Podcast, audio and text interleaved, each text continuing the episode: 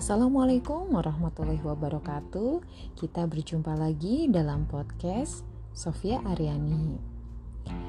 Kita masih akan membicarakan tentang tawakal dan episode kali ini saya mengambil tulisan dari Ustadz Abu Irfan Irfan Abu Nafid yang berjudul Tawakal kepada Allah dalam berjuang.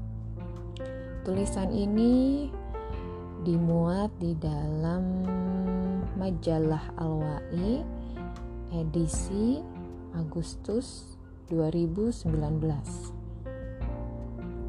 Ya, tawakal berasal dari lafal tawakkala ya tawakkalu tawakulan. Maknanya menjadikan pihak lain sebagai wakil yakni wakil seseorang dalam urusan tertentu. Imam Al-Alusi yang wafat tahun 1342 Hijriah dalam Ruh Al-Ma'ani dalam kurung 5 Romawi garis miring 164 mendefinisikan tawakal sebagai sikap menampakkan kelemahan dan ketergantungan pada pihak lain, serta merasa cukup hanya kepadanya dalam melakukan aktivitas yang dia perlukan. Sifat ini membuahkan ketenangan pada jiwa orang yang bertawakal. Tatkala ketawakalan digambarkan sebagai wujud keyakinan kepada pihak yang berkuasa atas segala urusan, maka akidah Islam meniscayakan ketawakalan hanya boleh ditujukan pada Allah semata, tiada sekutu baginya. Tuntutan tersebut datang dalam bentuk perintah mutlak, tanpa syarat dan tanpa kecuali. Tak boleh dipalingkan kepada selainnya. Hal itu disimpulkan berdasarkan dalil-dalil qot'i atau yang tidak multitafsir. Di antaranya Quran Surat Ali Imran ayat hmm, 159 173 Quran Surat Al-Furqan ayat 58 Surat At-Taubah ayat 51 ayat 129 dan Quran Surat At-Tolak ayat 3 Quran Surat Hud ayat 123 juga Surat Al-Anfal ayat 49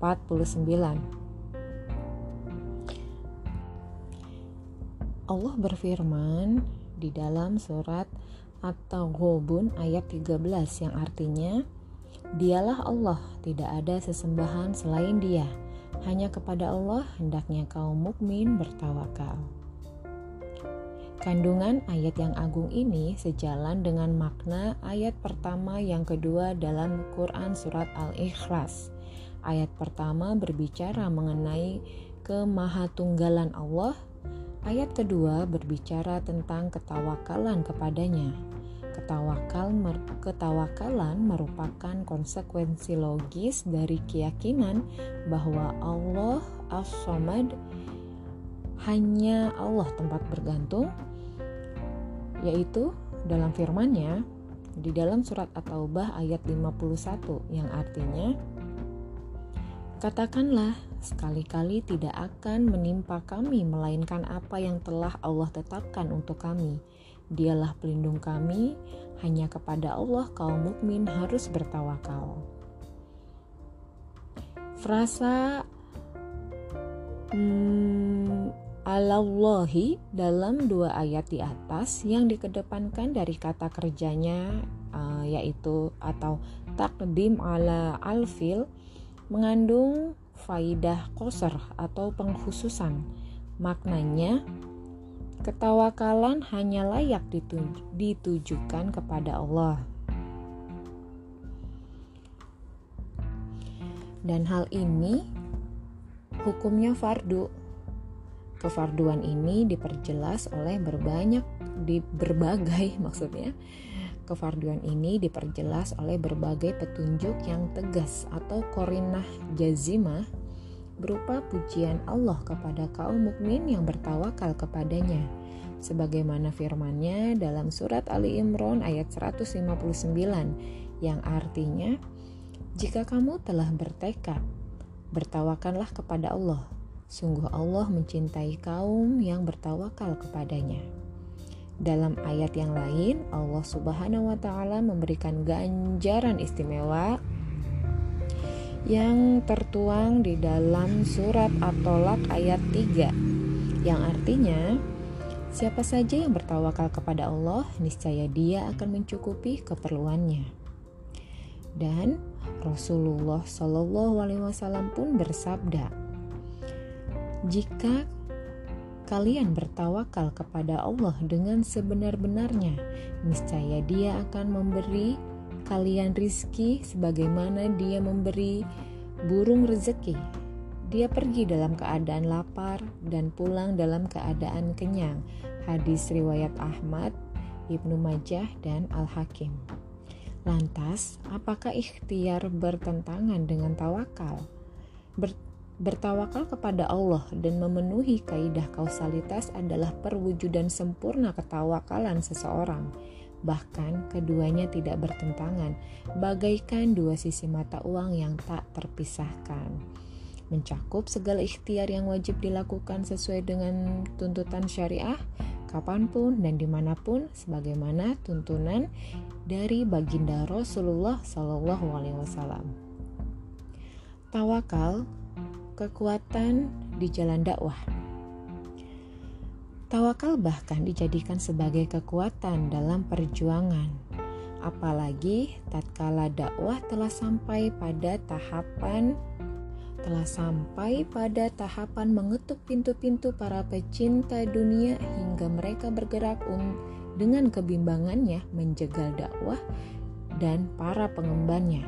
Allah berfirman dalam surat Ibrahim ayat 3 yang artinya Itulah orang-orang yang lebih menyukai kehidupan dunia daripada kehidupan akhirat dan menghalang-halangi manusia dari jalan Allah serta menginginkan agar jalan Allah itu bengkok.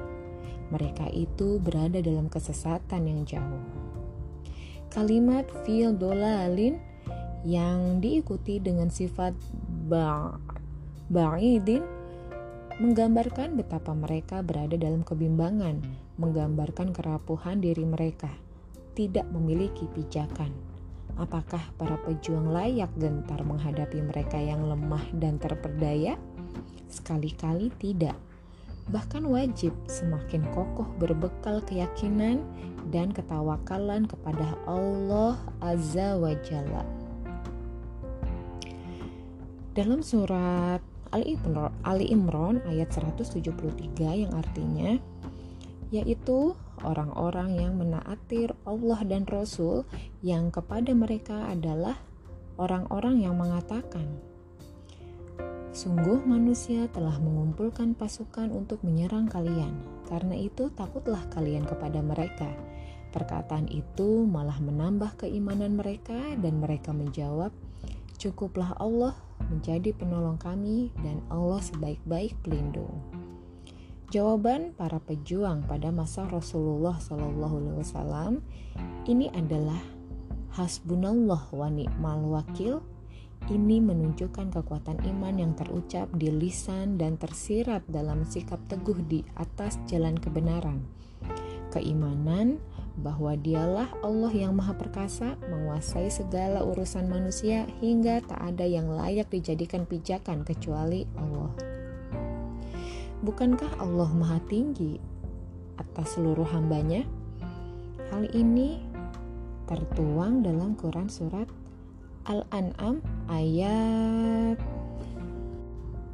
ada di dalam surat Al-An'am ayat 61 Al-Hafiz Ibnul Qayyim Al-Jauziyah yang wafat pada tahun 751 Hijriah dalam Badai Badai Al-Fawaid dalam kurung dua Romawi garis miring 464 sampai 465 menggambarkan Tawakal kepada Allah termasuk sebab yang paling kuat untuk melindungi diri seorang hamba dari gangguan, kezaliman, dan permusuhan orang lain yang tak mampu dia hadapi sendiri.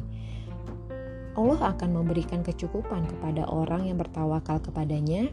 Siapa saja yang telah diberi kecukupan dan dijaga oleh Allah, maka tidak ada harapan bagi musuh-musuhnya untuk bisa mencelakakan dirinya. Bahkan ia tidak akan ditimpakan kesusahan ia ia tak bahkan ia tak akan ditimpa kesusahan kecuali sesuatu yang lazim terjadi atau dirasakan semua makhluk seperti panas, dingin, lapar, dan dahaga. Adapun gangguan yang dikehendaki oleh musuhnya selamanya tak akan menimpa dirinya. Catatan emas perjuangan Rasulullah dan sahabatnya menjadi teladan terbaik dalam bertawakal kepada Allah. Allah Subhanahu wa taala pun memenangkan mereka meskipun orang-orang kafir benci dan berupaya menjegal dinnya. Allah Subhanahu wa taala tetap menyempurnakan dinnya. dalam surat As-Saff ayat 8 yang artinya mereka hendak memadamkan cahaya agama Allah dengan ucapan-ucapan mereka tetapi Allah tetap menyempurnakan cahayanya meskipun orang-orang kafir membencinya Frasa Nurullah adalah bahasa kiasan atau isti'aroh dari din Allah Lafal nur atau cahaya yang di, yang dinisbatkan idofah kepada Allah Ismullah Al-Azam Al-Azam menguatkan kemustahilan bagi siapa pun untuk memadamkan cahayanya. Kegagalan mereka pun Allah gambarkan di balik kalimat yuri dunali yut, yutfi yutfi'u ya atau mereka hendak memadamkan. Kata Yuri Duna menunjukkan bahwa tujuan jahat mereka menghancurkan din Allah tak akan terrealisasi. Sekedar kemauan belaka atau irodah, namun realisasinya tak akan tercapai. Apalagi Allah menegaskan bahwa fa'il atau subjek penyempurna din tersebut adalah Allah sendiri.